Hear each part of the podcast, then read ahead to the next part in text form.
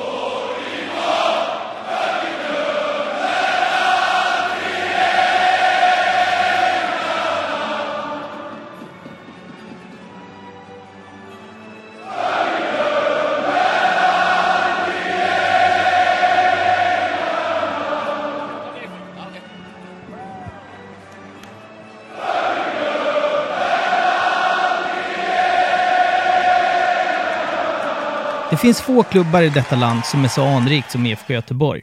Med Europatitlar i pokalskåpet så har man länge påstått sig vara landets största klubb. Idag pratar vi om bortamatcher på cykel. Vi pratar om hur kroppen mår när man krypt nästan 20 mil. Vi pratar om beslutet att ta ståplats på övre sektionen och vi pratar om vilka som egentligen är de största rivalerna. Idag ska vi prata med sektion J's egna capo. Välkommen till Äkta Fans podcast, Pontus Fridén. Tack så mycket. Hur är läget med dig? Jo då, det är fint. Nu har man, kunnat, nu har man kommit hem från jobbet och börjat medicinera med 3,5. Så det börjar arta sig. Vad fint. Jag sitter med 5,2 här så jag är, eh, jag, jag är helt med på samma noter. Då leder du helt enkelt. precis, precis. Du, eh, jag pratade lite om det i, i introt och de som lyssnar har ju faktiskt fått höra den här introlåten. Jag tänker att vi ska, vi ska starta där. Vad, Snart skiner Poseidon, din låt för mig i alla fall som, jag tycker den är fruktansvärt eh, bra. Vad, vad har du för känsla för den eh, låten? Snart skiner Poseidon är en, en låt som är lite tudelad för mig. Och det handlar egentligen inte om låten utan det handlar om uh, hur den har spelats den kom igenom som en raket. Och blev, den slog inte bara på fotbollsläktare utan blev kanske en hitlåt lite överallt i Göteborg. Man kunde inte egentligen gå på en fest. Man kunde inte eh, ens säga att man var supporter till Blåvitt utan att den här låten spelades minst två, tre gånger. Och Blåvitt hjälpte inte till med att kanske spela, alltså överspela den rätt många år innan man insåg att man kanske bara ska spela den på Gamla Ullevi inför eh, matcher i Allsvenskan, Svenska Cupen och sen låta bli att spela den på träningsmatcher och eh, om man har något event eller så. Att man sparar lite på den. Men jag tycker skadan är lite... Den, den är redan skedd, om man säger så. Mm. Låten mm. har blivit uttjatad. Så för mig är den kanske inte lika stor som den var en gång i tiden. Nej, ja, ja det, det köper jag. Alltså, det, det finns en annan sån låt som alla som är Hammarbyare om man är på fest i Stockholm spelar alltid eh, just idag är jag stark till exempel och det är en fantastisk inmarschlåt men man har hört den för många gånger vilket gör att man Alltså den blir ju inte lika bra så, så det, det köper jag eh, helt och hållet faktiskt. Men eh, jag som inte lyssnar på den på, på alla hemmamatcher eh, sådär, eh, tycker den i alla fall är eh, fantastiskt bra. Men jag tänker att vi ska, vi ska börja lite med, med att prata hur du hittar hittade IFK. Som jag har förstått så är det inte dina föräldrar, det måste väl vara den vanligaste vägen att hitta ett, eh, sitt favoritlag. Men i det här fallet var det inte dina föräldrar. Berätta, hur, hur hittade du till IFK från början? För mig är det en ren slump och det är jättekonstigt att jag blev blåvitare egentligen i och med att jag växte upp i Kullavik. Och det är ett, eh, vad kan man säga, ett rikemansområde ut, eh, fyra mil utanför Göteborg. Och på den tiden jag växte upp, det var bara öisare som bodde där ute. Och jag är väl någonstans eh, lyckligt lottad med att inte växa Alltså jag hade ju ingen ingång i allsvenskan eller jag visste inte ens att det fanns folk som gick på matcher ens en gång. Alltså. Och det gjorde väl kanske att jag missade hela den här ÖIS-hypen. Och sen är det så enkelt att jag fick åka med en klasskompis på en Blåvitt-match. Och då fastnade jag för hela supporterkulturen. Alltså inte egentligen matchen, utan det var det som hände runt matchen. Blåvitt var klappkassa. De förlorade med 4-0 på hemmaplan och jag tror inte de slog en passning rätt. Så att det var ren slump och jag är ganska glad att det blev Blåvitt och inte ÖIS. Ja, det kan jag förstå med, eh, med vilka ligor de båda lagen spelar eh, i, i, idag. Ja, sådär. lite mer vad, vad som händer runt också, kan jag väl säga. Ja. Eh, ÖIS är väl inte så stora starka längre. De var stora starka på den tiden. Då var Blåvitt och ÖIS ganska jämna. Det var lite mer som det är i Stockholm på den tiden. Mm. ÖISarna kunde komma en 15-20 000 på ett derby och vi kunde ju ändå fylla Ullevi, alltså stora Ullevi liksom. Mm. Och det är inte så fallet, så är fallet inte nu om man säger så. När jag växte upp var det kanske 18 i en klass som höll på ÖIS och så en, två på resten. Mm. Och nu, eh, jag vet inte, men det känns som att det är tvärtom nu. Nu är det bara blåvitt där ute också. Jo, så. det, det köper jag. Och vi kommer ju komma in lite på hur det ser ut i stan, och, för det finns ju ändå trots allt ganska, eh, ganska många eh, klubbar i, i Göteborg. Större och mindre så att säga. Men eh, ni startar ju någonting, Kullaviks Angels, det här är ju din första liksom, där, där du blir lite mer seriös och tar ditt supporterskap på, på riktigt. Berätta om Kullaviks Angels, vilket starkt namn för övrigt. Ja, den grejen var mer en eh, plojgrej för oss. De åkte in på matcherna tillsammans. Så det var, eh, vi målade lite, eh, hade med oss liksom. Men det fanns ju ingenting bakom utan det var ju mer, vi, vi såg upp till ultra, alltså ultraskulpturen som var runt och så ville vi ha vår egen lilla grej liksom. Men det var ju ingen stor grej utan vi, vi kallade oss inte ens det utan det var mer eh, vi måste skriva någonting på de här flaggorna vi hade med oss.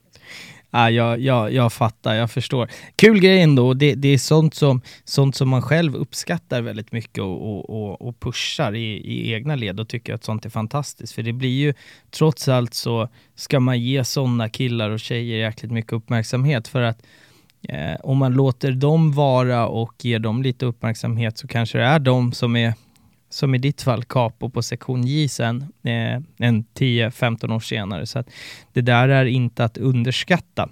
Men eh, sen händer ju någonting lite speciellt där, där som jag förstår i alla fall, där, där allting tar fart lite mer på riktigt.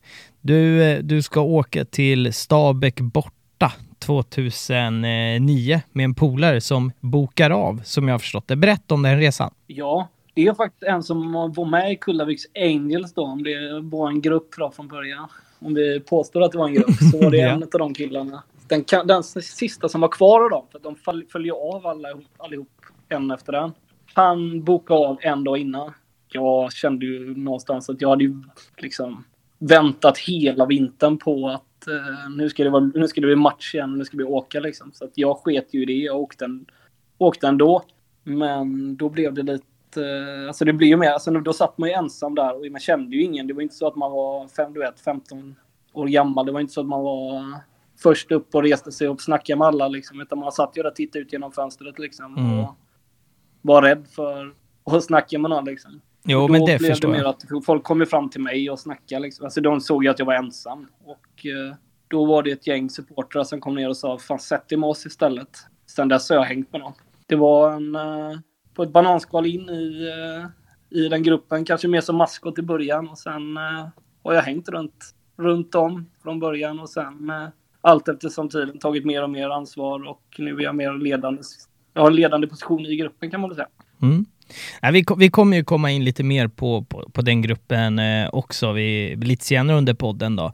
Men jag tänker att vi, vi ska göra ett litet, som jag överanvänder i den här podden, ett avstamp i 2009. Och mest av intresse för att vi har, vi har pratat om, om just en specifik match Eh, i den här podden tidigare, fast helt från andra hållet. Eh, 2009 är ett fantastiskt eh, år. Eh, vi har två lag som går som tåget och krossar allt, vilket är Göteborg och, eh, och AIK då. då. Eh, som slutar med en, en ren och skär final på eh, Gamla Ullevi eller ja, Gamla Ullevi i eh, Göteborg. Sista matchen där, där AIK, för mig kul, för dig dessvärre vinner guldet då. Eh, vi har ju pratat om hur det var från, från AIKs sida, men hur var den dagen och hur blev liksom, hur mådde man efter, efter den slutsignalen som göteborgare? Det är jätteintressant för mig att höra och för de som har lyssnat på tidigare avsnitt. Ja, alltså, det är svårt att beskriva de känslorna, men den, det kändes som en... Alltså som att man var på en stor jävla begravning bara. Alltså det låg ett tungt jävla täcke bara över över hela läktaren. Och man stod kvar där och det var ju liksom inte ens... Alltså det kändes inte som att man var arg, man var inte... Man var, inte, alltså man var bara trött. Alltså trött, helt, helt slut i hela kroppen liksom. Alltså psyket helt väck liksom. Det var nästan så... Man, man hörde hur, eh, hur ni då firade inne på plan, men man var ändå inte där. Alltså, man såg allt som hände, men man var inte, man var inte där i psyket längre det var det konstigaste kvällen jag upplevt tror jag. Nej, jag, jag kan ju, jag, jag, kan förstå det och det, det, är ju så alltså. Den kan jag känna igen också när man, om man torskar ett derby eller man åker ut i något Europakval. Hur man bara blir, det blir en sån här tom känsla i huvudet. Den är ganska svår att förklara. Men man, man eh, ja, deprimerande om inte annat. Du var, du var inte uppe på cupfinalen veckan efter eller? Nej, jag var inte det. Utan uh, det var egentligen näst, alltså året efter som min uh, riktiga alltså streak på matchen började. Mm. Det året var ganska hipp som happ. Jag var, gick på kanske varannan bortamatch eller vad man ska säga. Mm. Det, var inte, det var inte allt. Och den, just den matchen, det kändes inte som, som att det var läge att gå upp heller. Man var helt fördärvad. Jo, men det kan jag, det kan jag förstå och, och respektera faktiskt. Sen ska man väl lägga, lägga till att på den tiden var det, alltså det var ju några år senare som kuppen började betyda någonting på riktigt. Mm. På den tiden var inte kuppen någonting, eh, nu är kuppen stor som satan, men på den tiden tycker jag inte kuppen, kuppen var någonting man eh, snubblar sig vidare i liksom. Det är inte som det är nu, nu är det ju nästan, alltså det, det har ju blivit så jävla mycket större om man jämför med bara några år sedan liksom. Jo, men det, det håller jag helt med om. Då var ju bara, det var nästan jobbigt om man gick vidare i kuppen för då skulle man spela kuppmatcher. Liksom om man hade match söndag, söndag skulle man klämma in och kuppmatch mitt emellan. Det var mest bara störande för den allsvenska rytmen där många år. Så att det, det är jag helt, eh, helt med på. Men en annan fråga. Det var fråga... inte seriöst heller. Nej, var ju, uppläggen var kaos. Det var inte seriöst. Det var, det var ingen som hade tänkt. Det var ju mer, vi måste klämma in det här nu. Och så fick det bli som det blev. Liksom. Så att det kändes inte som att någon, så som att inte ens de som såg till att det var någon svenska cup, alltså som att de tog det seriöst. Och det återspeglades det väl i allt annat också. Ja, men verkligen, verkligen. Eh, jag har en helt annan fråga. Eh, jag vill bara reda ut där. Det här är det finns ju två arenor i Göteborg.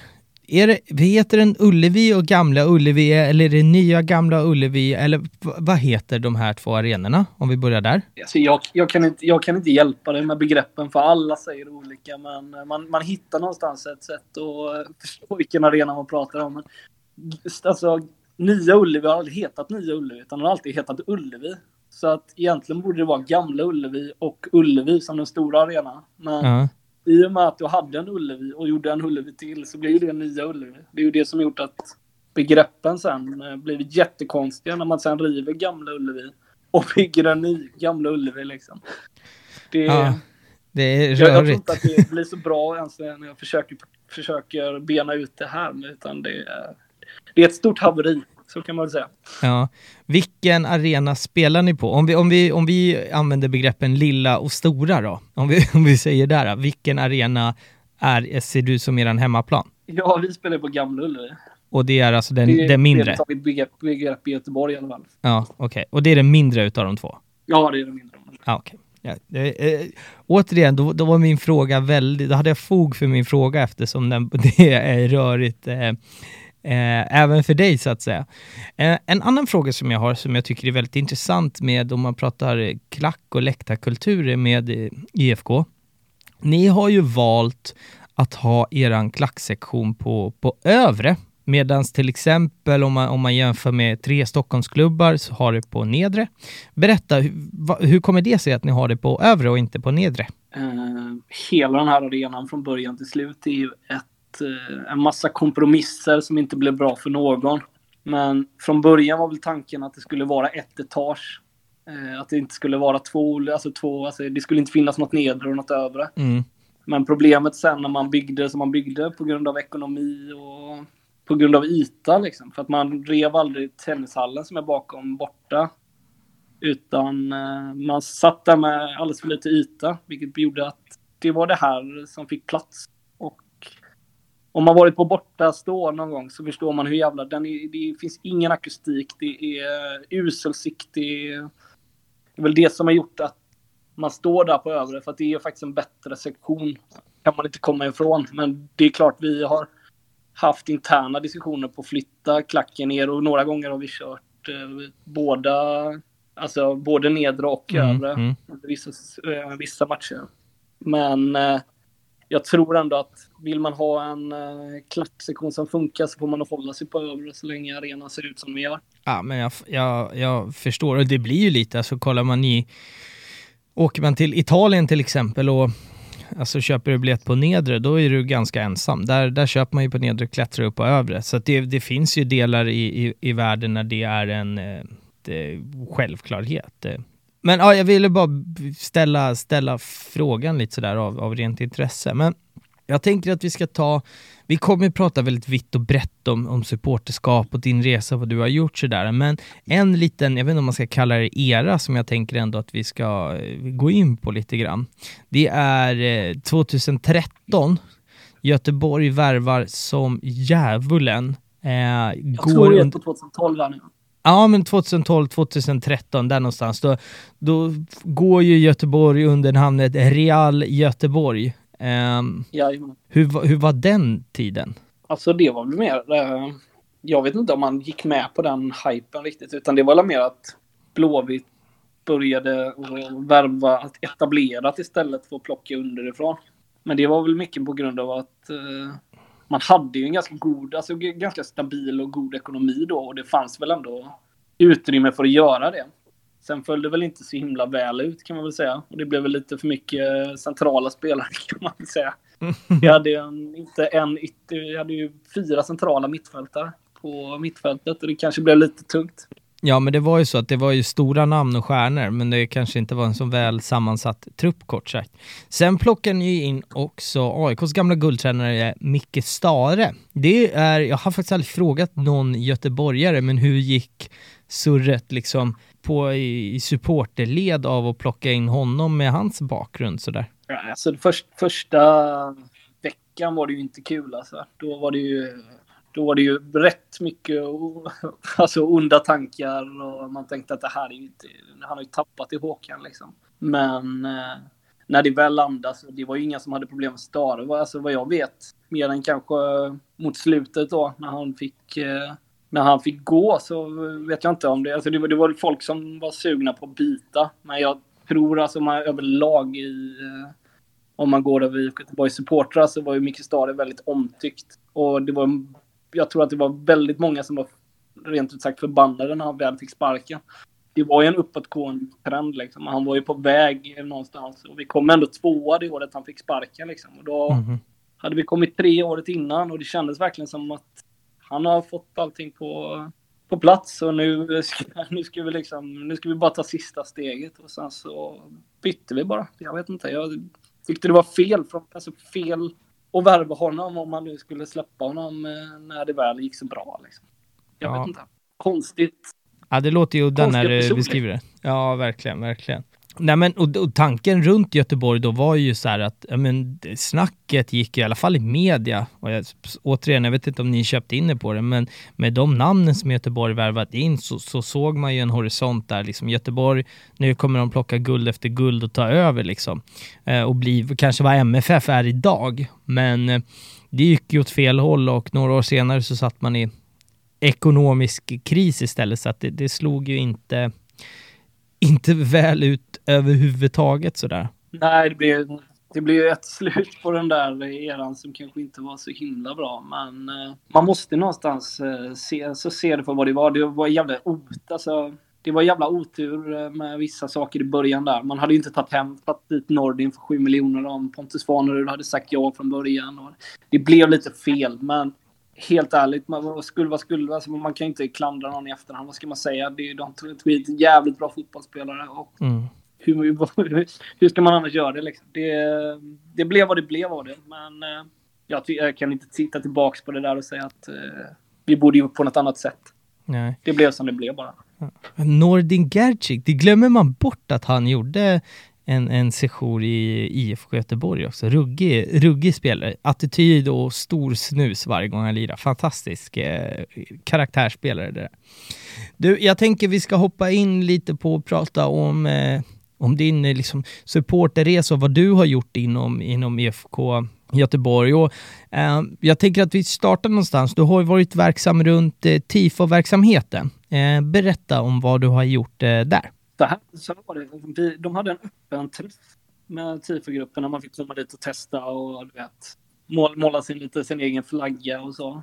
Där de bjöd in brett och då gick jag dit på nåder. Det är mer att jag ville vara med mina kompisar och så målade jag lite och insåg att det är fan inte så svårt att måla tifo. För allting är så jävla stort. Jag har alltid trott att man behöver vara liksom, bra i bild. Jag kan inte måla en streckgubbe liksom. Men det är ganska... Det är ju lite färgläggning för vuxna liksom. Ja, men Det är, verkligen. ju, det är ju allt runt. Liksom. Det är, det är ju mål, alltså, själva målningen är ju inte så jävla svår. Det är ju mer allting runt. Du eh, behöver liksom ha disciplin och du behöver ha, vad ska man säga, folk som, eh, folk som roddar allting som jag inte kan. Liksom. Jag är inte så jävla smart. Jag kan, eh, jag kan lägga in timmarna liksom. Men jag kan inte designa. Jag kan inte, jag kan inte sköta en dator eller något sånt där liksom. Utan jag föll in på det på den vägen. Jag, när jag insåg att jag kan faktiskt göra det här. Liksom. Jo, men det, det är väl att i grunden så tänker man att det, det, det, alltså det är ju svårt. Man ska inte sitta här och, och liksom inte ge den credden som tifo-killar och tjejer förtjänar. Men och liksom, jag, jag, jag förstår precis vad, vad du menar. Det finns folk som är det är någon som behöver vara väldigt estetiskt lagd som kommer på exakt hur det ska ritas och det photoshoppas och sen slås det upp och det, det ska målas och pillas. Men precis som du säger, det, det som folk som är intresserade av tifon, det du alltid kan hjälpa till med runt din klubb är ju att bara vara där. För jag menar, eh, oversize-flaggor på en stor läktare, det kan vara liksom 20, alltså 20 kvadratmeter som ska målas i, alltså i ert fall blått. Alltså det klarar vem som helst utav, alltså av helt enkelt. Sådär. Men hur, hur är tifoverksamheter runt, runt IFK? Är det, alltså har, har man mycket backning från klubben med, i form av att man får använda deras lokaler och sådär? Eh, eller hur, hur, hur ställer sig klubben till det? Vi vi får jättemycket jag ser hjälp på klubben. De eh, är behjälpliga med det mesta. Men vi hade en jättebra lokal från början. Vi, Blåvitt ägde ju en eh, inomhushall som man sålde. Och den eh, hade vi ju till målningar rätt länge. Sen fick vi lösa det, lösa andra lokaler efteråt och då var det lite mer trubbel liksom. Det är inte så lätt att hitta nya... Det har ni säkert samma problem med i Stockholm liksom. Att det är svårt att hitta en stor lokal där man kan måla liksom. Mm. Och det har väl ändrats över tid. Men det, går, det finns jättebra förutsättningar för att eh, lösa bra tifon. Och det tycker jag ändå att vi har visat att vi kan göra också. Det är en uppåtgående trend eh, för varje år som går. Det är ruggiga tifon som släppts ut de senaste åren. Om man Mm. jämför med bara några år tillbaka där det kanske inte var samma nivå. Liksom. Ja, men det håller jag helt med om och det, det ser jag brett över egentligen hela, hela Sverige där, där nivån har höjts. Och nivån har mycket, alltså till stor del höjts för att alla klubbar är bra på det. Det handlar hela tiden om att, att liksom bräcka varandra och när, när, när liksom blir IFK bättre, då vill man bli bättre i Stockholm och sen sitter ett gäng killar och tjejer nere i Malmö och vill spöa båda de städerna och så triggar det varandra till en fantastisk tifo-verksamhet sett över, över hela Sverige. Eh, sådär. Är du, är du fortfarande aktiv inom, eh, inom tifo-verksamheten idag eller hur ser det ut? Så inte på samma sätt. Eh, på den tiden när jag eh, verkligen eh, la in själen i det så då var man ju där efter jobbet varje dag. Så tre timmar liksom. Tre, fyra timmar i alla fall varje mm. dag. Och körde helger och höll på. Men det går, alltså jag vet inte om det går i längden. Det går ju för vissa liksom. Men för mig det funkar inte. Det blir, det blir för mycket. Och man, håller, sagt, man håller på med andra saker också. Och du ska få in att du ska du ska ändå sköta ett jobb, du ska eh, liksom, vara ledig på alla matcher och det, det blir för mycket. Så inte mm. sam, på samma sätt, utan nu kan jag vara med på någon stor målning. Jag kan vara med om det behövs folk, men jag är inte där eh, på så här, varje vecka och köttar liksom. Nej, men så blir det ju också. Jag menar, man, dels så eh, tar ju åldern ut sin rätt i form av att man kanske skaffar tjej, vissa skaffar barn, man har ett jobb, man kanske jobbar kvällar. Alltså, det är ju svårt. Jag menar, de första som, eller det vanligaste att man börjar med tifon är ju tonåring. Om det är någonting man har i tonåring så är det ju tid. Det är väl den, den, den vanligaste, alltså vanligaste sättet att komma in runt, runt tifo-verksamheten. Eh, sen har du också haft en lite kortare session i i Änglarnas styrelse. Först så bara ville jag, jag kom på det här när jag satt och skrev lite på det här avsnittet, att alltså var kommer Änglarna ifrån? Om vi börjar där. Änglarna är, nu tror jag, alltså jag kan, jag kan citera fel här nu, men jag tror att det här är en journalist i eh, typ GP eller GT som eh, skrev efter en Blåvitt match någon gång på eh, kanske slutet av 60 eller början av 70 att eh, Blåvitt spelar som änglar. Och därifrån tror jag änglarna kommer. Jag kan, jag, jag kan ljuga på det här nu, men det är så jag tror att det är. Att, man, att, man, att det blev änglarna liksom. Det låter rimligt och en, en, fin, eh, en fin story. Fattar den journalisten vad han har, vad han har skapat? Ett namn som varenda aktiv fotbollssupporter i hela Sverige har stenkoll på. Men berätta vad... Jag, jag tycker det är ett bra namn. Det funkar ganska... Det, det funkar bra över, över tid. Jag vet inte om det var så jävla... Alltså om det var tänkt så från början, men det har funkat jävligt bra över tid. Särskilt när supporterkulturen har varit lite skamfilad så funkar ju Änglarna jävligt bra. Mm. Det blir ja, lite verkligen. så, här kommer änglarna liksom och så är det ett jävla, jävla liv runt arenorna liksom. Som det var liksom på 90-talet. Det är ganska bra att supportklubben heter Änglarna. Det blir lite kul liksom. Ja men den, den, den köper jag verkligen och det är ett otroligt superetablerat eh, namn. Så, så är det ju. Eh, men berätta, vad, vad gjorde du i styrelsen? Hur länge var du med och vilken position? Och berätta lite om den tiden. Jag satt som suppleant i någon månad, men det var... Det, man kan säga det, kort, korta versionen är att det funkade inte. Alltså personkemin i styrelsen med mig och en, två andra, det gjorde att jag gick hem varje kväll och kunde inte sova för jag var förbannad liksom. Så att jag kände väl redan framåt sommaren, det blev inte så mycket gjort. Det blev mer att jag satt där och tog en stol och till slut så sköt jag ut mig. Liksom. Ah, okay, så fattar. det var ju mer att jag, jag, jag hade massa tankar och jag tänkte fan det här blir jättekul. Men det blev inte så kul så att jag hoppade av eh, ganska fort. Mm, mm. Ja, men så, så, så, blir det väl ibland. Eh, alla människor är inte gjorda för, för att umgås med, med varandra och det var väl det, det klokaste beslutet som, som fanns i sånt fall. Helt det var enkelt. inte bra, det var mer eh, det var mer ett krig än styrelsearbete om man säger så. Ja, jag fattar. Och då är det superrimligt att eh, någon klev därifrån och det är väl sist in först ut så, så blir det väl. Eh, men något, något som har funkat betydligt mycket bättre för dig är Göteborgs fria kamrater. Det är den gruppen som på bortamatchen 2009 bjuder in dig när du sitter ensam. Berätta, vad är ni för en gruppering? Från början är det en, eh, alltså det är två kompisgäng som åkte eh, på matcher tillsammans. Eh, de triggar varandra liksom. De åkte alltid minibussar bredvid varandra. Och tävlade i vem som var flest och vem som gapade mest. Och, alltså så lite hjärtlig konkurrens liksom. Mm. Som gick ihop tillsammans, eller till en grupp då. Så från början var det KFB eh, Kebabs Fruit Machines and Brasses och, och KFB då. Eh, eller vad säga FML. Eh, feta minibussliga. Okej. Okay. Du har ju liksom, det är början 2000-tal liksom. Den ena, den ena gruppen var ett seriöst namn och det andra var, var ett, eh, en reaktion på att de andra kallade sig för någonting. Ja. Men de umgick så pass tajt då så att det blev att de slog ihop sin... Eh, alltså sina... Alltså du vet, att de började åka tillsammans då istället. Och då blev det GFK, Göteborgs fria kamrater. Som lite handlar om att eh, det var mer kompisgäng och eh, därmed fria, där är fria då. Man är fri och gör precis vad fan man vill. Det var lite, lite det som var tanken från början. Att mm. man inte är låst med någonting som kanske en ultrasgrupp är liksom. Du ska vara det här, du ska göra det här liksom. Hur agerar ni i, i, idag? Om man tänker vad, på, på en läktare, vad, vad bidrar ni med läktarmässigt så att säga? Är det så att ni är mer runt pyron? Är det mer att ni har, eller är det bara liksom så här, ni är ett kompisgäng, har en egen bandroll och står bakom den? Eller hur, hur liksom, vad bidrar ni med till, eh, till era läktare? Jag skulle mer likna oss vid en ultrasgrupp idag än, äh, än ett kompisgäng. Men äh, det är ju hela det här, alltså det, det som man kan säga som är våran nisch är att äh, vi tar inte med någon i gruppen nu för tiden som inte har en ambition på att gå på 30 matcher.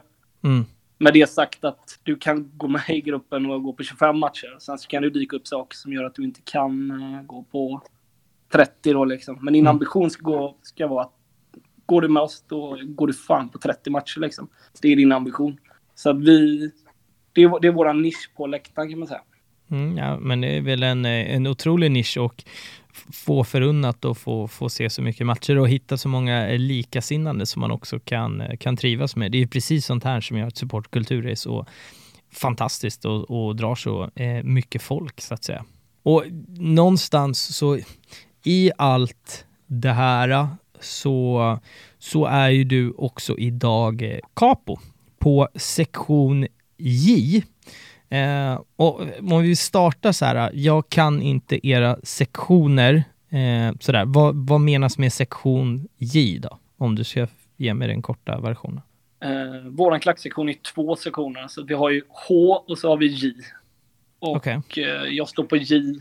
Det är väl mer från H som, som eh, sången styrs. Och eh, jag är mer en eh, en capo som ska se till att vi håller samma synk och att eh, folk sjunger ute på kanten. Liksom. Jag står längst ut mot eh, ena, hörn, alltså ena hörnan, då, eller eh, hörnflaggen kan man säga. Ja, men då, då fattar jag, för det, det var så som lite som jag har förstått det. Det blir väl egentligen att eh, man har trumman och, och en capo och sen, sen är du ute i kanten och ser till så att, ja men så att inte det, för det blir ofta så, man har en kärna i mitten och sen blir det tyst ute på kanterna. Och det är det som, eh, eller för att undvika att, att kanterna är tysta. Förstår jag rätt då? Ja, absolut. Men ja. det, det, blir ju så med de större läktarna, att man får ha mer folk ut på kanterna. Jag kan tänka mig om man har en mindre klack, då behöver du bara ha en gubbe i mitten liksom.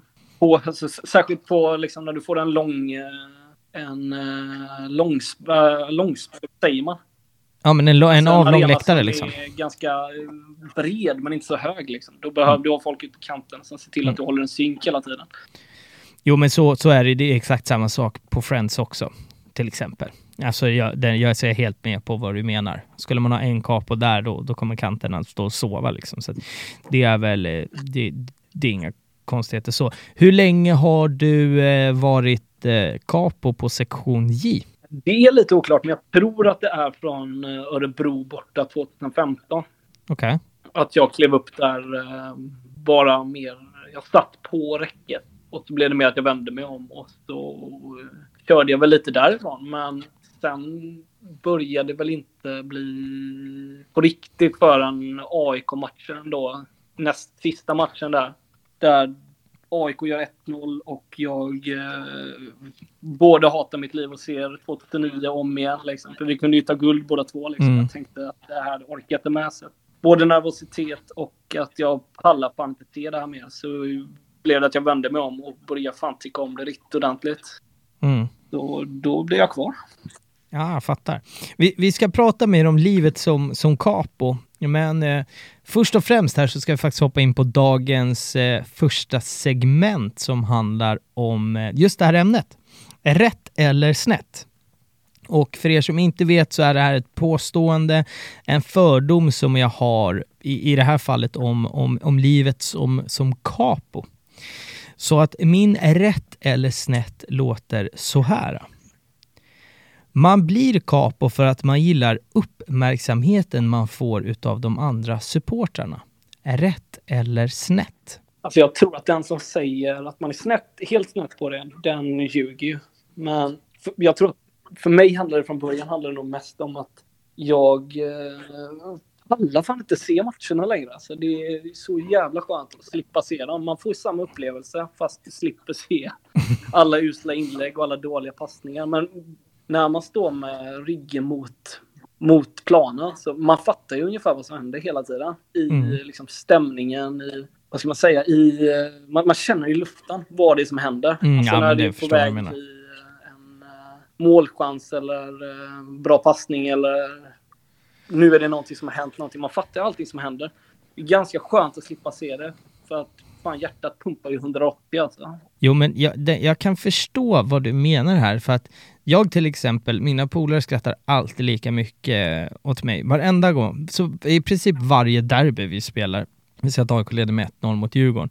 Då går jag upp och ställer mig, alltså 20 minuter någon gång bakom läktaren. Jag klarar inte av att se för att jag blir jag blir alldeles för nervös. Jag klarar inte av att se det eh, ibland. Och står där och bara svär och, och ber till alla gudar jag kommer på. Det vet jag, men man är inne i sin egen, egen värld. Så jag, eh, jag, kan förstå det och sen ibland så är det ju ett elände att titta på. Det kan väl vara skönt att och, och, och missa det också på något sätt. Men hur blir du, hur skulle du säga att Alltså, när du är capo, hur blir du behandlad av de andra supportrarna? Är det så att det liksom folk du inte känner kommer och klappar dig på axeln och alla vill hälsa och bli polare? Eller hur, hur är liksom om man tänker livet som capo? Berätta. Ja, men rätt mycket så som du säger. Det är klart som fasen att det kommer fram en massa folk och klappar en på axeln och säger, du vet, alltså ger en positiv, positiv och negativ feedback. Men man blir ju som en liten, eh, vad ska man säga?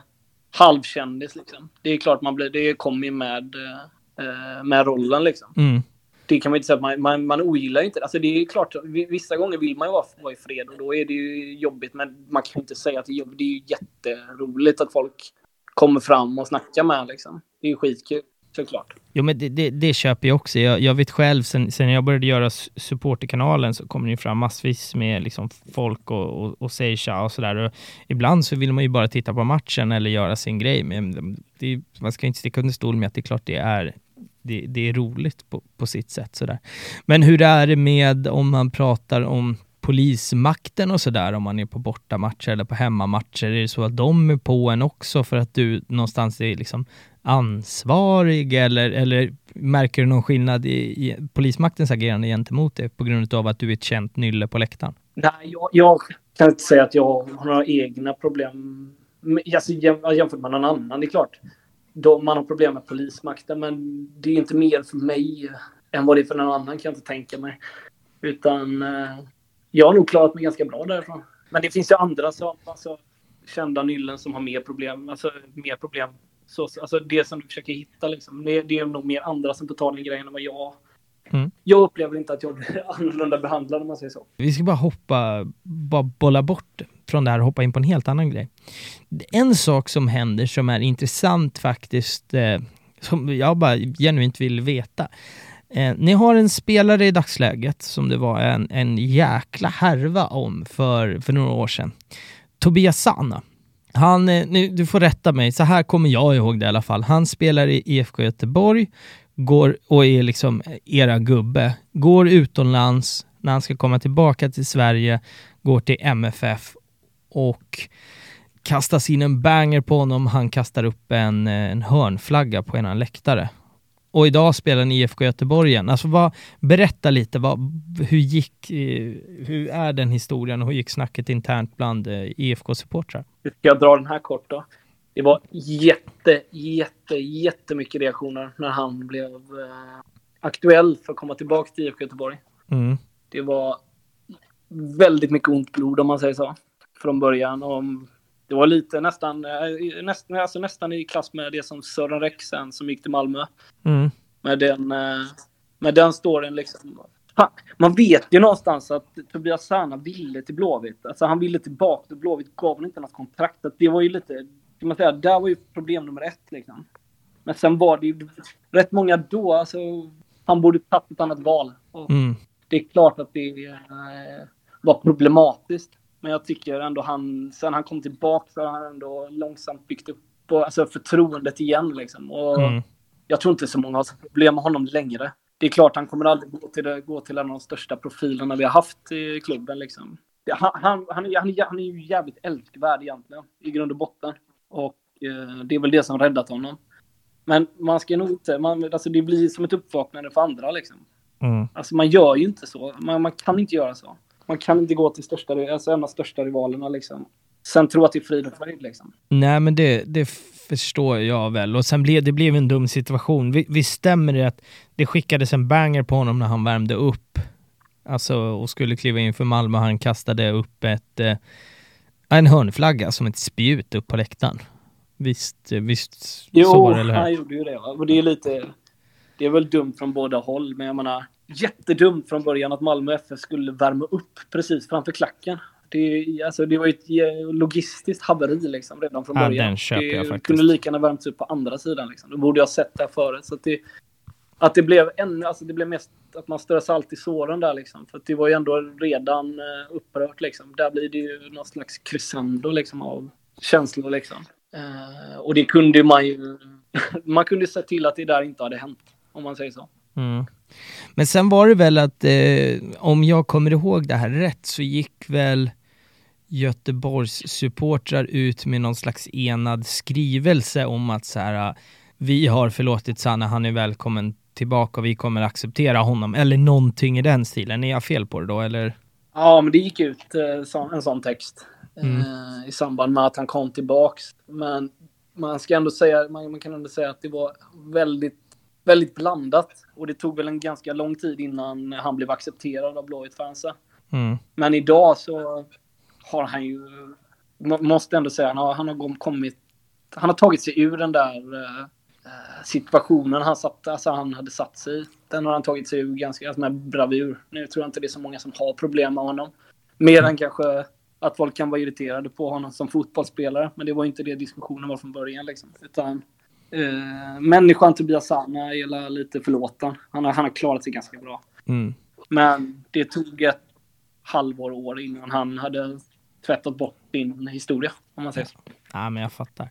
Jag tänker att vi ska hoppa in lite på så rivaliteter överlag. Som jag sa lite i introt så jag diskuterade det här med, liksom på jobbet idag, att det, det svåra för mig att göra den här podden är att jag måste kliva ifrån sådana här ganska vanliga alltså, som du är IFK Göteborg-supporter, du är van vid att så här, vad fan, man hatar Stockholmslagen och det, det är ju liksom den här supporterrivaliteten och den är jag också uppvuxen med. Men från att jag var tio år gammal så stod jag på Råsund och, och liksom lärde mig, en av de första ramsorna jag lärde mig var hata Göteborg liksom. Men det, hela tanken med podden är ju att vara, vara objektiv eh, och, och, och sådär. Men jag tänker rivaliteter för Göteborg. Jag vet att det alltid funnits rivalitet mellan Stockholm och Göteborg, rikets två största städer, vilken, vilken liksom kust är bäst och så vidare. Den är ju, den har ju funnits ja, i säkert hundra år liksom. Sen finns det ju också, ni har ju en annan rivalitet också till MFF. Hur skulle du säga din åsikt, vilka är era största rivaler om du skulle välja ett lag i, i Sverige? Jag tror att om man pratar överlag så är, så är det nog AIK. Alltså. Jag tror att det är AIK som, om man pratar med alla supportrar, men det är så schizofrent i Göteborg. För att det har ju varit, alltså ÖIS är den stora rivalen historiskt. Mm. Men de är ju liksom sedan 15 år så jävla usla och så jävla små så att det är ingen som bryr sig om dem längre. Och det, jag tror inte ens, jag tror inte ens det väcker ont blod bland Blåvitt-supportrar överlag. Eh, än för oss som växte upp med att ÖIS är det stora laget mm. som man avskyr liksom. Numera är det mer kanske AIK, Gais och Malmö FF som tävlar om att vara största hatobjekt om man säger mm. så. Mm. Malmö FF har väl rätt mycket med att det går jävligt bra för dem eh, på planen och att de har jävligt dryga supportrar överlag. om man ser på internet. Mm, och, ja, eh, AIK är ju den stora rivalen, alltså det är ju den här Stockholms-Göteborg-kopplingen såklart. Och, mm. Det finns rätt mycket ont blod liksom mellan lagen och alltså, alltså, genom kanske över hundra år av historia liksom. Och sen Gais är den här nya. Gais har ju aldrig varit någonting historiskt utan Gais var ju liksom något eh, eh, litet typ, vad ska man säga, typ eh, Brommapojkarna har det väl känts som eh, Mm. när han, eh, Häcken kom och tog över den, eh, ska man säga, takten eller, eller den, ja vad fan heter det? Den Ja, platsen skulle man väl kunna säga liksom. Men jag tänkte, det var faktiskt min nästa, nästa fråga, för att eh, Göteborg är ju fullt utav, eh, vi har ju ja, men, Häcken, Örgryte finns ju där, Guys. Jag vet att när jag var liten så kollade jag AIK Västra Frölunda till exempel. Så som det har varit, det fanns ju för, går man tillbaka, ah, jag vet inte om tio år räcker, men då var det ju liksom från Göteborg så var det Häcken uppe, Örgryte var uppe, Gais var uppe, Göteborg, alltså IFK Göteborg var uppe. I, idag så, så, så, så har liksom den kartan ritats om lite grann och de som har gått bäst sportsligt i alla fall inom de närmsta åren här eh, utifrån när vi pratar nu är ju Häcken. Sportsligt skulle man väl kunna säga att det är den, den bästa klubben i Göteborg just nu. Men det är också typ den minsta. Eh, alltså hur, hur är rivaliteten i, i stan? Där fattar jag ju att IFK Göteborg är ju giganten med, med mest folk. Men hur, hur ser den rivaliteten ut? Så den är helt obegriplig, eller obefintlig alltså. Jag, vi kan inte bry oss mindre om Häcken, om man, som man hårdrar det. Häcken är... Eh, de är en fotbollsturnering. Alltså det är inte... Det är en kvartersklubb. Det, är, det, finns, alltså det väcker ingenting liksom. Nej, men det... Alltså, historiskt sett så är det Gais och ÖIS som har varit liksom... Det är de riktiga rivalerna, det är de stora, det är de man vill... eh, Alltså vi- vill allt ont liksom. Man skiter Mm. ju i häck, Häcken. Alltså det är ju Göteborgs BP liksom. Mm. De är lite gulliga där. De kan hänga där ute. Och... Hade inte ni något svinstökigt derby mot Guys för typ tre år sedan som blev avbrutet i kuppen eller något sådär? Va, eh, visst var det så? ja, han fick lite ont i öronen där, Marco. Det var lite synd om honom. Vad, är det, Men det vad hände? sköt lite raketer.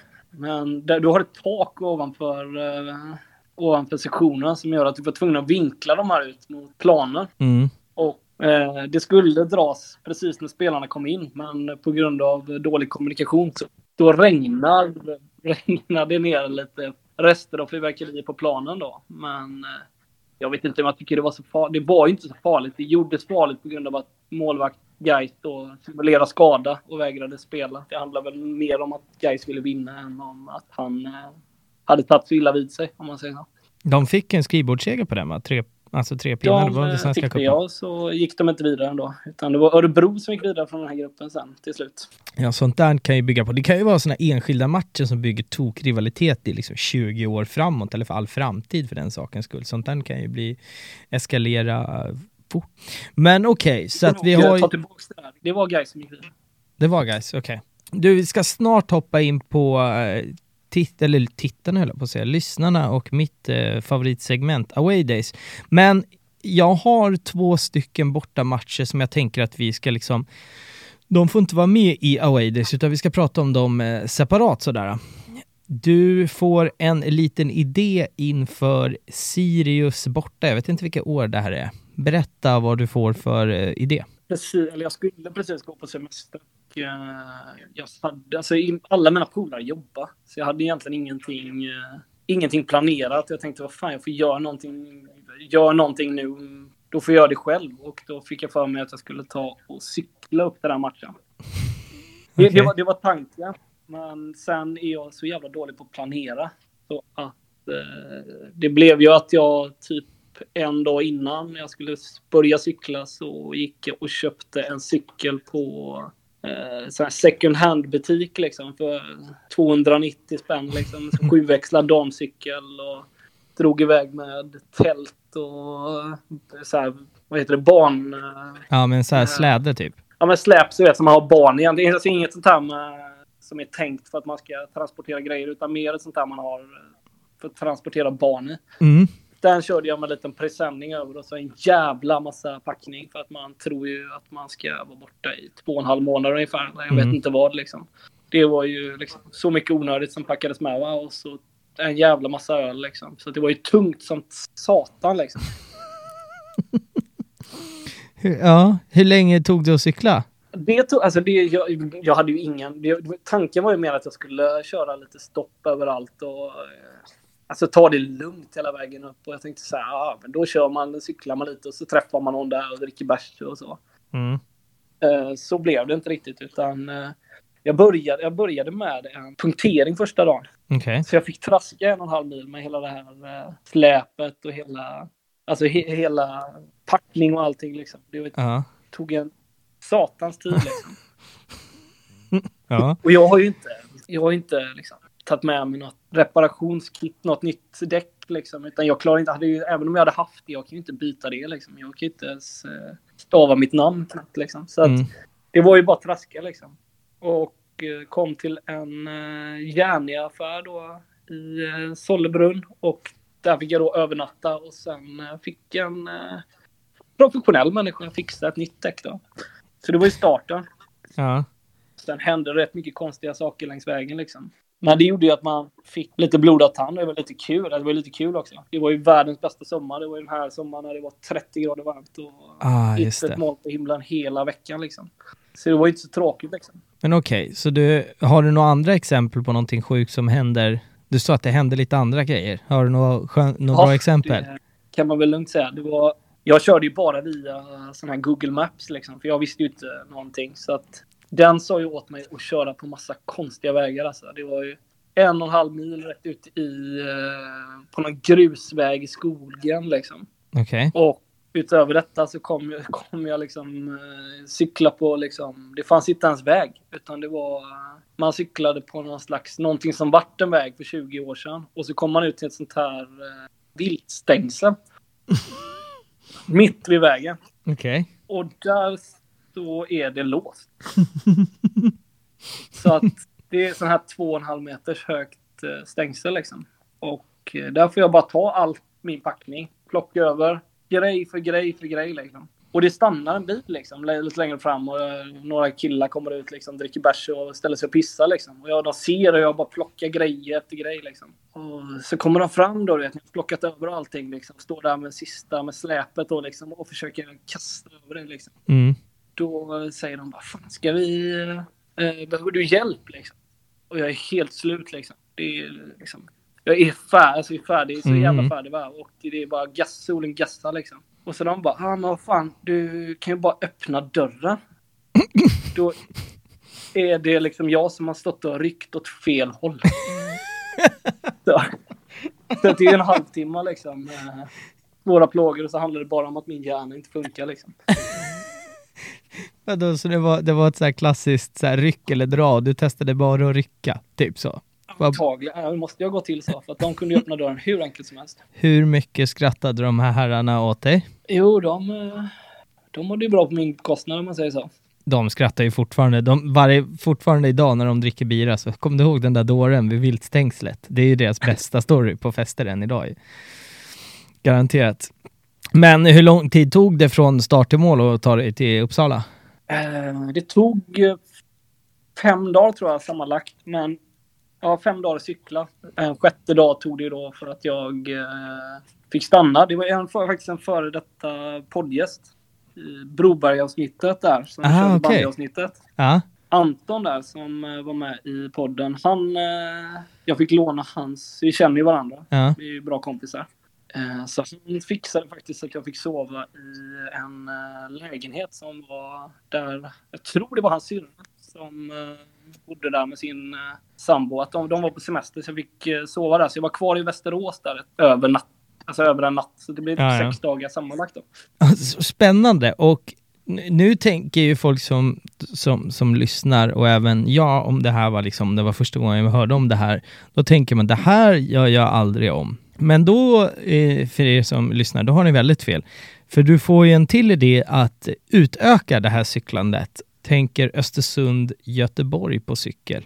Eh, berätta om, alltså efter det här, du kände inte så här att, ja men fan det här, alltså sex dagar på cykel ensam och allt det här som uppstår. Men du vill ändå göra det igen. Berätta, hur gick tankarna då? Ja, men det var ju ganska, det var ju ganska enkelt. Alltså första året var ganska... Det, var, det, det funkar, allting funkar. Det var rätt kul ändå liksom. För jag, jag, hade ju, jag hade vädret med mig. Det var inte så himla långt. Det var ju ändå behövde ju bara komma sju mil om dagen. Så det var Mm. inte överdrivet långa sträckor liksom. Men då blev det ju att eh, nästa års semester så tänkte jag, men jag, fan, jag köra det här en gång till. I och med att det blev liksom, det blev en bra grej av det liksom. Mm. Eh, Men då blev det ju att det föll in med Östersund. Och det var väl lite, vad kan man säga, det var lite värre. Både mycket, mycket längre och framförallt så var det ju så in i helvete kallt. Och vägen, alltså man åkt från Göteborg till Östersund, det är ju fan fan bara skog hela vägen. Så att det händer ju ingenting. Du åker förbi alltså, så här, Mora liksom. Det, det är det Mm. som händer på hela vägen. Sen är Mm. det landsbygd eller ingen bygd överhuvudtaget. Mm. Så man kunde ju cykla i timmar och inte se ett hus. Alltså, tog jag aldrig slut. Och ingen täckning. Så jag kunde inte höra av mig till någon. Jag kunde inte lyssna på musik. Jag hade ju inte laddat ner någonting såklart. Så att det var ju bara ett evigt, evigt trampande och kallt som satan hela tiden. Och mygg och det regnar liksom från sidan framåt liksom. Hela, hela vägen. Så man, man var inte så himla... Det kan inte varit lika kul för de som följde mig heller liksom. För jag var inte så himla positiv liksom. Jag gjorde ju det här till en eh, resa som folk kunde följa liksom. På, Mm. på Twitter mest då liksom. Men eh, du, har aldrig, du fick aldrig för dig att ta med dig någon, eller det är kanske ingen som alltså, kände att det här är en bra är, det är idé. lite samma där som första bortamatchen. Jag hade en kille som skulle med mig, eh, men som inte kunde då, så han hoppade av. Och då Ja. fortsatte jag själv. Liksom. Ja, Okej, ja, jag fattar, jag fattar. Ja, intressant. Det här är, eh, det är stort och den sjukaste grejen som du har gjort, den har vi faktiskt inte ens kommit till. Den kommer vi till om en liten stund. Men jag tänker då, nu har vi ju trots allt pratat om, om två matcher, då, då är ju bryggan ganska, eh, eller den röda tråden är väldigt enkel in på eh, poddens andra segment, segment eh, Away Days. Uh, den bortamatchen jag har snappat upp från dig, du har ju varit på en, en, alltså, en jävla massa, om man ska använda det uttrycket. Uh, men en som jag har snappat upp som är speciell är AZ Alkmaar borta. Om vi börjar att berätta om den då. Ja, alltså det är ju liksom allt på, allt på en och samma gång. Liksom. Jag var 16 år gammal och skulle få åka iväg. På, då blir det liksom första, första bärsen och få dricka lagligt. Vi åker minibuss ner. Det tar 14 timmar ner dit liksom. Och det är... Vi, vi spelar en och samma låt hela vägen. Vilken Så låt? att den, den låten har blivit lite av våran... eh, Alltså det har blivit våran låt liksom sen dess. Så den går ju, den går ju varm varje gång vi åker någonstans liksom. Vilken låt Det, är det? det är eh, Rasmus Sebach med Natteravn. var ja, ja. Jättestor just det året. Det var när den gick som typ sommarplåga vet jag. Jajamän. Så att det var mer att vi hade, det var ju på den här tiden när det inte fanns något, man kunde inte lägga upp telefonen som man gör nu liksom och bara spela spellistor. Utan man hade ju med sig fysiska skivor. Och det var väl varierad kvalitet på dem kan man väl säga. så att eh, det blev att vi bara, i och med att det var så mycket dåligt musik som vi hade med oss, så blev det mer att vi fastnade på den och sen körde vi den hela vägen liksom. Så att vi kanske körde den 12 gånger på rad och sen så bröt vi av med eh, Tenacious D, Fucker Gently och sen så började vi om liksom. 12 gånger till liksom. Fan. Ja. Så att när vi eh, rullar in i Amsterdam 14 timmar senare, då har vi, då, då, då har vi allihop satt låten, alla, all toner. Så att det blir som, det är som en kör som åker in i Amsterdam till den danska, danska danslåten. Otroligt ju. Ja. Och eh, det har vi faktiskt också pratat om i den här podden vid två tillfällen tidigare. Just bortamatcher i Holland är någonting speciellt. Fantastiskt fotbollsland och, och Amsterdam som stad är en otroligt, eh, otrolig stad. En vacker stad, men det är också en jävligt stökig stad alltså med allt vad det innebär. Berätta, vad, hur länge är ni i, i stan för det första? Vi är därifrån, eh, vi kommer onsdag morgon, så vi dag kvar till fredag morgon då liksom. Men vi åkte ju redan på, vi åkte ju på tisdagen liksom. Och så kom vi dit onsdag, onsdag morgon då liksom. Mm. Men alltså om man ska förklara Amsterdam så är det ju, det är ju som Sverige fast tvärtom alltihop. Alltså allt som är lagligt i Sverige är ju olagligt där tvärtom liksom. Inga problem att gå och köpa en eh, lång jävla kniv eller köpa droger och det är eh, fan bordeller på varenda jävla gata. Det är inga konstigheter. Men om du står upp på en buss, då kommer piketen liksom bara plocka ner dig på, plocka ner dig på mage liksom Mm. det är så kon- alltså, allting är så himla absurt liksom. Och dit, eh, där dyker man upp då på sin första bortamatch i Europa liksom. Och det Ja. första vi gör då, det, är- det är att vi, vi ställer bilen Och vi kommer för tidigt så vi får inte, vi får inte checka in på vårt hotell utan det är någon timma då liksom. Så vi bara, ah, vi traskar ut och så sätter vi oss på uteserveringen precis bredvid hotellet. Alltså vägg i vägg. Mm. Och eh, sätter oss på uteserveringen, dricker bärs, väntar på att vi ska få lämna in våra grejer då liksom. Sitter där i två timmar och det är inget konstigt med det. Lämnar in våra grejer och sen så fortsätter den här kvällen då liksom. Och det händer så mycket galna grejer liksom. Det är... Jag har en polare som... eh, eh, alltså han blir så full och antagligen hög. Jag, han har aldrig erkänt att han var hög, men jag, jag antar att han är hög. För att när Mm. han kommer tillbaka till hotellrummet den natten, då ställer han sig i receptionen och tror att han är flyttgubbe. Okej. Han börjar flytta runt alla möbler. Alltså du vet, han ställt, alltså, allt som står i receptionen där. Han Mm. börjar plocka dem. Han kan inte engelska den här killen heller. Han kan så dålig engelska så det är helt sjukt. Han börjar plocka på allting, plocka med allting, flytta grejer liksom. Prata svenska med dem. Hon undrar ju vad fan är frågan att inte hon ringde liksom. Mm. ringde till någon instans liksom. Ja. Men det kommer nästan några andra polare då som eh, bodde med där. De kommer tillbaks där och får hjälpa honom till, eh, tillbaks till rummet. Väl där, de öppnar eh, dörren. Eh, han, ål, alltså han hoppar ner på alla fyra, ålar in ropar bara ta beteckning och bara ålar in liksom.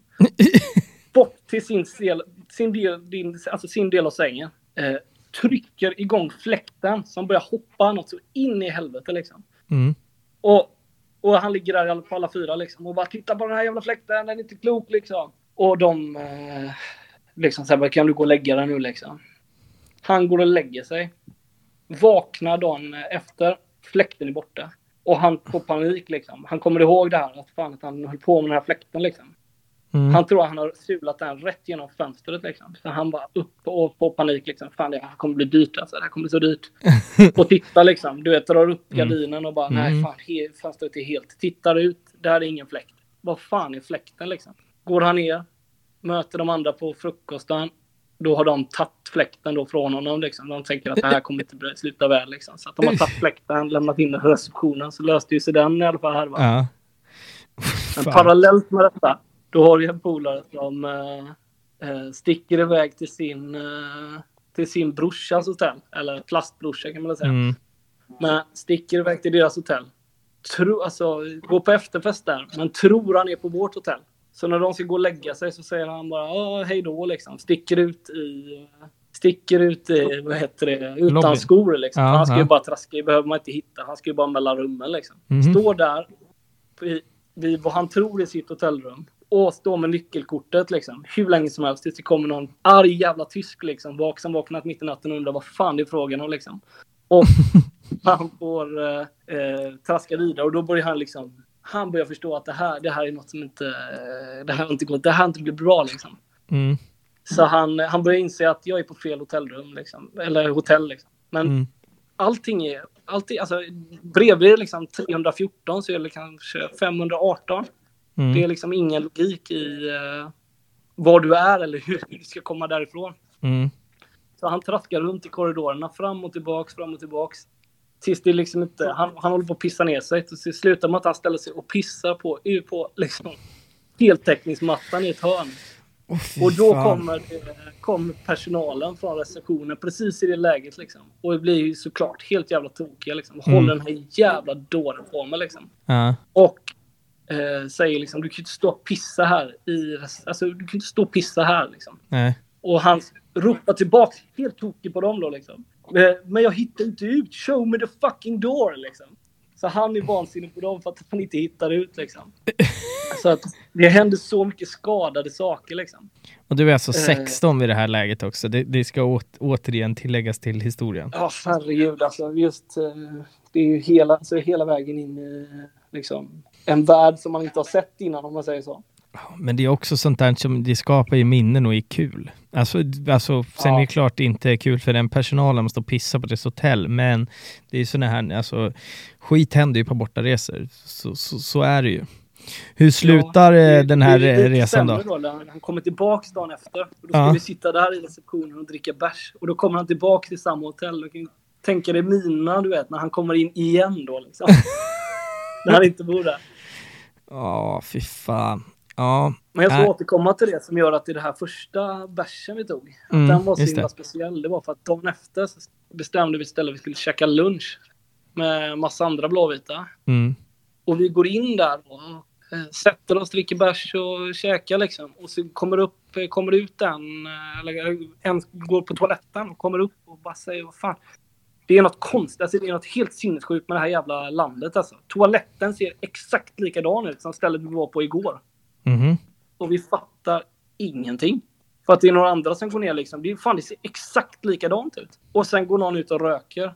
Och då har vi gått in på samma jävla ställe som vi var på dagen innan fast från en annan dörr liksom. Från gat, gatan ovanifrån liksom. Och Ja, ingen men- fattar någonting. Okej. Det är ju rätt, det blir komiskt när man väl Ja, ja, verkligen. Och då garvar man åt sig själva, liksom. Ja men grymt. AZ borta, du är 16 bast. Låter eh, helt eh, fantastiskt. Har vi några andra eh, bortamatcher som du liksom är såhär, fan den här kommer jag aldrig glömma och den är rolig att berätta om i podden? Jag jag kan dra en eh, historia som, eh, jag var faktiskt inte med på den, och den är, men den är ju fantastisk Mm. Ga, alltså så galen liksom. Och det är ju faktiskt en AIK-resa. Mhm. Eh, jag vet inte om ni kommer ihåg, men eh, polisen ändrade eh, avsparkstiden ett år till 12.30 Jajamän. med eh, ambitionen att det skulle vara mindre fylla. Mm. Jag har, ja, ja, ja, jag kommer Det precis ihåg kanske den här funkar matchen. jättebra i Stockholm, men Icke. om man ska åka från Göteborg betyder det att man eh, kanske tar minibussen eller bussen eh, klockan fem på morgonen. Vilket betyder att Ingen har gått och Det lagt har sig. aldrig varit så mycket fylla på en bortamatch. Nej. För att våra gubbar gick ju direkt från krogen till bussen. Eh, Mm. Då får de dessutom med sig folket som satt på krogen, eh, alltså som stängde baren. Liksom. Mm. Eh, Då är det en tjej som följer med som eh, hon har protesben. Okej. Eh, Hon följer med liksom. Och fladdrar runt liksom. Det är liksom. Hon hinner inte kliva på innan benet är i vädret liksom. Okej. Det flyger liksom. Det flyger runt liksom. Mellan, mellan sätena liksom. Ja.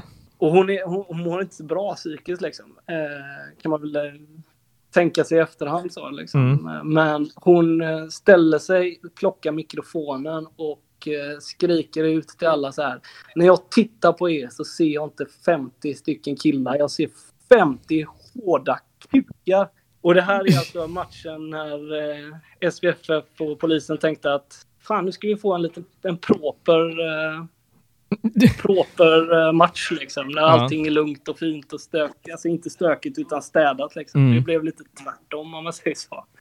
Ja, det kan, jag har faktiskt, det finns en, en bild någonstans på, på Facebook tror jag, från just den här matchen eh, mot Göteborg, 12.30 avspark Solna, eh, Råsunda.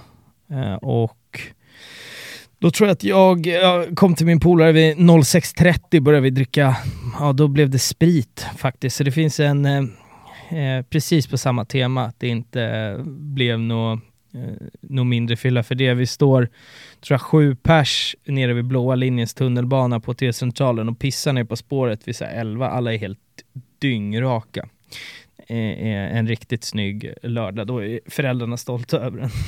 Man kan väl någonstans eh, komma överens om att det var ingen bra idé och de gör nog inte om det i alla fall. Nej, det är vi rörande överens om. Nej, men strålande då, vi behöver traska vidare. Där har vi AZ och en, och en protes, protestjej på väg till, till Solna, plus att vi har fått med dina eh, två cykelbortamatcher. Eh, jag vill också att vi ska nämna innan vi traskar vidare, innan eh, för, för, förra säsongen så, så blev det ju ingen publik. Men du, du, du nämnde ju det lite när du pratade om Göteborgs fria kamrater, att ambitionen är ju för er att se 30 av 30 matcher, vilket du gör mellan eh, Eh, 2014 och 2019. Du är 100% av alla matcher som IFK spelar i Sverige, inkluderat Svenska Kuppen. Berätta lite om, om den tiden. Hur får man till det logistiskt med jobb och eventuell liksom, partner och sådär, att åka på, på allt? Och hur får man upp det ekonomiskt? Någonstans får man ju, man får ju välja bort mycket andra saker. Du har ju inte råd med så mycket annat liksom. det, det jobbigaste, alltså, det svåraste är ju att alltid få ledigt och att man ska få ihop det rent... Eh, så att, det ska, alltså att man ska, alltså man ska få pusslet liksom. Men eh, någonstans, du hittar ju lösningen på problemen liksom. Mm. Det finns väl eh, gånger när man inte har eh, fått ledigt, där man har sett till att man har haft ledigt om man säger så. Mm. En liten skön sjukanmälan sådär, från snedden. Ja, Mm. Nej, men och, och sen är väl det, man får väl vara tydlig bara när man, när man söker ett jobb, att ja, det här är mitt intresse och så här ser det ut och sen får man ju jobba, jobba runt det. Så, så är det väl.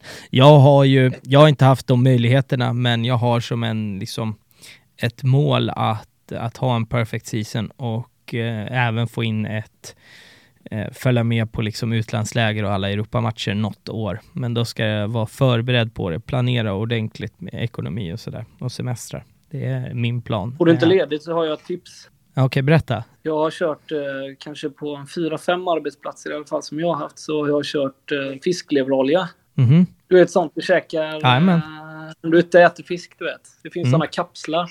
Mm. De är jävligt bra om man ska simulera magsjuka. Okej. Du tar en sån, knäcker i käften och man kräks som en kalv. Alltså, det är så jävla äckligt va?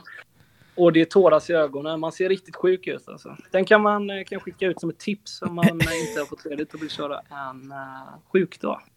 Till alla unga lyssnare också som behöver komma ifrån skolan när de är less på det. Den är ruggig ju. Exakt. Det är det äckligaste som finns, fiskleverolja. Det finns ingenting äckligare att stoppa i munnen tror jag. Ja, det är är fruktansvärt. ja, Men det funkar jävligt bra om man simulerar magsjuka. ruggigt, eh, ruggigt eh, tips, verkligen. Och sen, ja det här, jag har sett fram emot att prata och faktiskt så när vi började diskutera om din medverkan i podden så det första jag, jag liksom, första gången jag snappade upp vem du eh, var, var eh, om det vi ska prata om nu.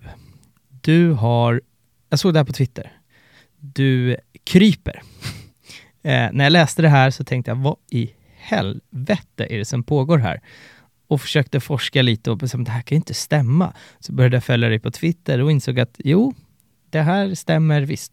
Berätta från eh, idé till utförande om din eh, kryp-idé som du håller på med. Ja, så här är det. Jag körde ju de här två cykelresorna. Och så någonstans lovade jag att jag skulle köra en tredje cykelresa där jag skulle cykla ut i Europa om eh, Blåvitt gick vidare i kuppen. Mm. Vilket de gjorde, eller de vann ju Svenska cupen nu förra året. Men då var det ju corona, vilket betydde att det var ju ingen... eh, För det första var det ju bara en enkelmöten och vi fick ju Köpenhamn på hemmaplan. Så det fanns Mm. ju ingenting att göra. Och alltså, jag kunde inte göra någon sån resa som jag hade lovat. Och sen föll det ut så med, i och med corona så har ju det gått jävligt eh, dåligt ekonomiskt för alla klubbar. Mm. Det är väl ingen som har klarat sig ifrån det ganska bra, på något bra sätt om man säger så. Eh, Blåvitt ligger ganska pyrt till. Och sen startade supportklubben Änglarna ett initiativ som heter eh, 4 oktoberrörelsen. Där tanken är att vi ska samla in eh, åtminstone 5 miljoner då till IFK Göteborg. Mm. Eh, och då fick jag idén att eh, vad fan, jag, kan, eh, jag, måste göra, jag måste göra en sån här eh, grej då som jag gjort innan. Men jag hade ju redan cyklat liksom från Östersund. Det finns ju inget att bevisa mer. Jag har ju cyklat från eh, den längsta bortaresan. Liksom. Mm. Så det var ju tvungen att vara något nytt. Och i och med att jag ska kunna kombinera det här med jobb och alltså övriga livet liksom, så var jag ju tvungen att hitta på någonting som jag kunde göra under, tid, alltså under en lång tid. Liksom, där man Mm. kunde få in det eh, utan att rucka på allt annat. Liksom. Och då blev, det, blev tanken att fan, jag kryper 19,04 mil. Vilket, ja, 19,04 till det, det handlar ju bara om eh, att Blåvitt grundades då liksom. Mm. Med tanken då att för varje meter jag kryper så ska det swishas in 10 kronor. Så tanken är väl att om jag kommer fram så är det en tävling om jag kommer fram först eller om supportrarna lyckas swisha in 10 kronor per meter, vilket i så fall skulle betyda 1,9 miljoner ungefär. Vilket är ett ganska högt, högt mål. Och det kanske, Ja, kanske är så att jag vinner det här och det vill jag ju inte vinna. nej. Alltså, jag, jag tänker, Det var, det var tanken. Sen eh, förstod jag kanske inte att det skulle vara så svårt och jobbigt som det faktiskt är. Det är inte som att cykla, om man säger så. nej. Alltså jag tänker, när man tänker jag ska krypa, så är en kilometer att ta i. En mil är att ta i. Och 1904, då hade ju kunnat tagit en kilometer 904 meter till exempel, en, en mil Ja. 9 kilometer, fy- alltså fattar du? Men du valde 19,4 mil, vilket är, är helt galet. Men det verkar ju vara lite din, din, din melodi sådär. Eh, om vi säger att, som jag fattar, du har hållit på med det här lite under hösten och eh, under vintern, korrekt? Absolut. Hur långt har du dagsdato krypit? Eh, Det är faktiskt så att jag inte har exakt koll. Men jag skulle tippa på en, runt en 6-7 mil någonstans. Är jag på nu. Ja, okej. 6-7 mil. Och alltså hur är bestämmelserna här i att så här, är folk tvungna? Har du någon typ sponsor som säger kryper du så swishar vi eller är det bara att så här, du har uppmanat folk till att göra eller hur, hur funkar det? Jag lägger ut allting på Twitter under samma hashtag då liksom. Mm. Men, så att man kan följa det över tid då liksom. Men jag har inte haft några sponsorgrejer eller så, utan det handlar mer om att eh, det finns eh, det finns ett Swish-nummer och så är tanken att eh, det blir som en parallell tävling då liksom. Man Mm. ser hur långt det swishats, hur långt jag har kommit och Mm. eh, sen är ja, tanken är väl att vi ska komma fram samtidigt någonstans. Mm. Vad ligger Och, swishen på idag då? Också faktiskt, jag, jag vet, jag kan inte ge det ett exakt nummer nu, jag vet faktiskt inte. Det ligger inte på mitt bord. Utan det Ah, okej. ligger mer på änglarna och jag har inte det i... Jag har inte det i huvudet just nu. Vad, hur långt det har... eh, Hur mycket pengar som har kommit in. Men alltså hur lång tid tar det att krypa en kilometer? Alltså på, mellan tummen och pekfingret? Det måste ju ta ganska lång tid och- och kroppen måste ju ta så... Jag brukar alltså, ligga på någonstans... eh, Har jag krypit mellan 5 och 7 kilometer ungefär varje gång. Och det tar mellan 2 och 3,5 timmar. Så det tar så mycket tid, mer tid än man tror att det Ja.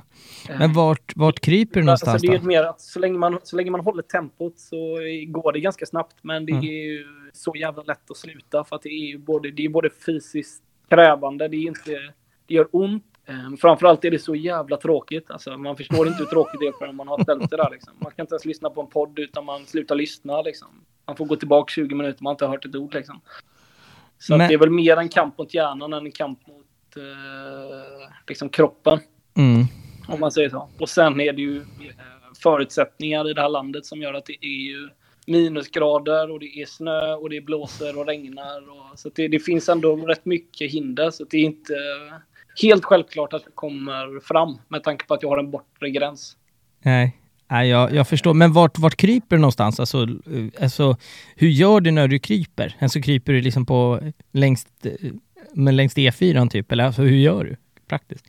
Alltså tanken var från början, hade jag tänkt att jag skulle bara krypa på vanlig gångväg. Men eh, det insåg jag ganska snabbt att det går inte. Utan jag kryper på eh, fotbollsplaner fram och tillbaka. Mm. det är ganska bra på, av olika anledningar. Ena är ju att det är ganska enkelt att veta exakt hur långt du har kommit i och med att du hela tiden kryper samma längd. Liksom. Och sen är det ganska skonsamt. Det är inte lika hårt som om du hade varit på någon annanstans. Liksom. Så att du, jag är inte så sugen på att bli invalid på kuppen. Liksom. Nej, det förstår jag.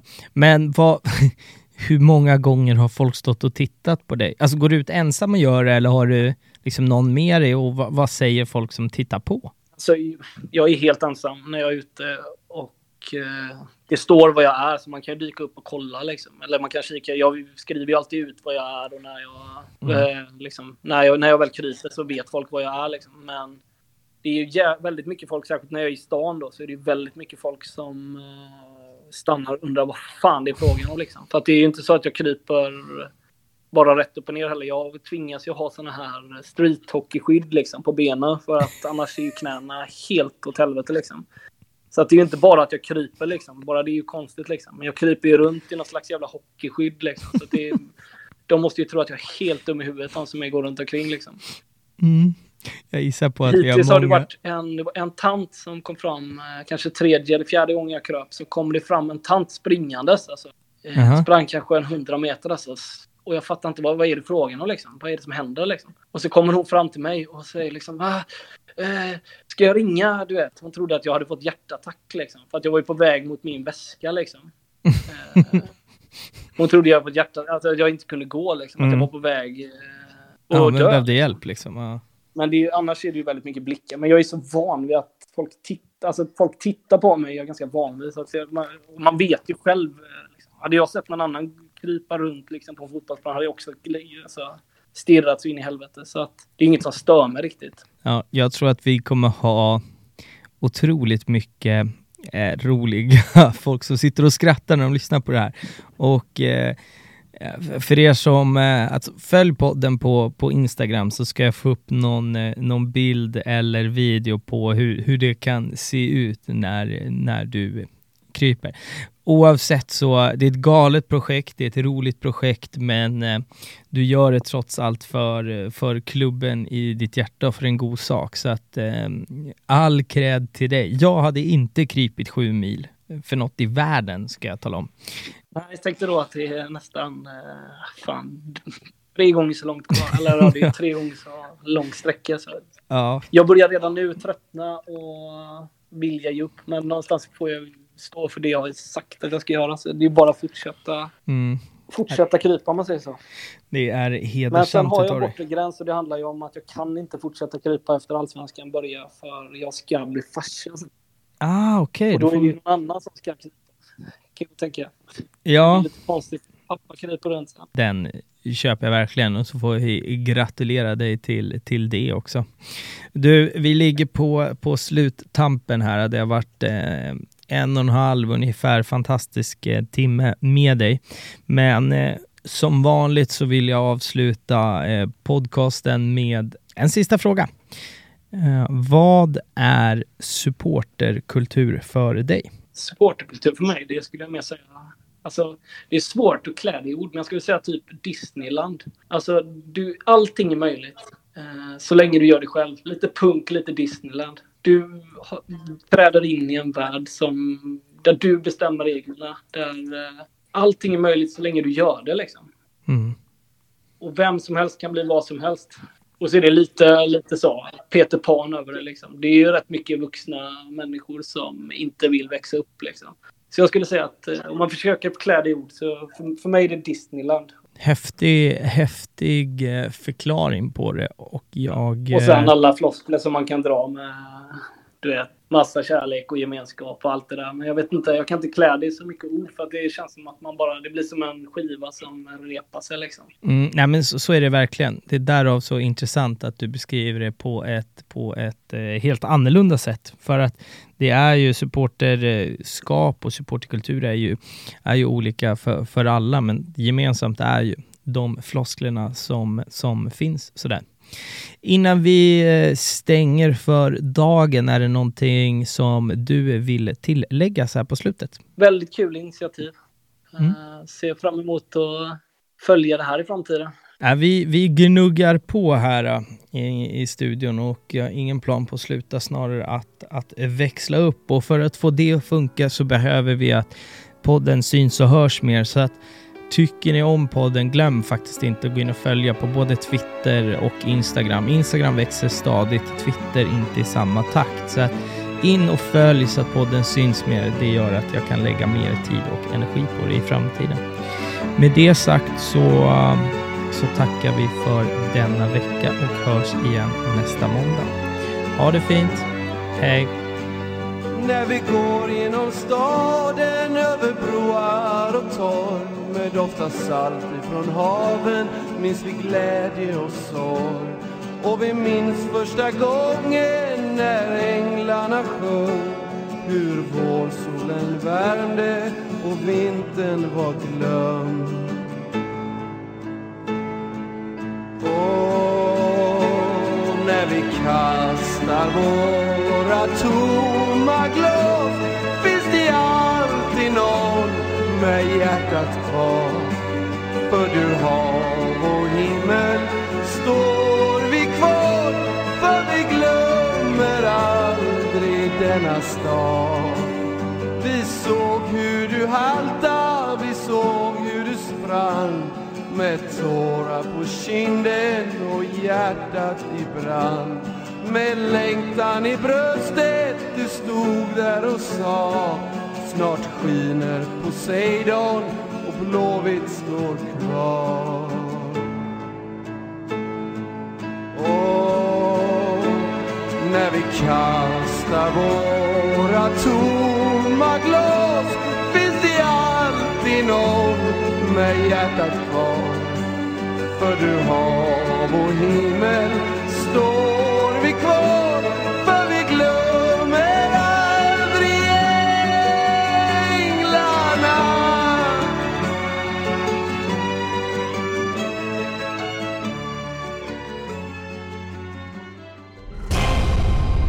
samarbete med Esen Studio.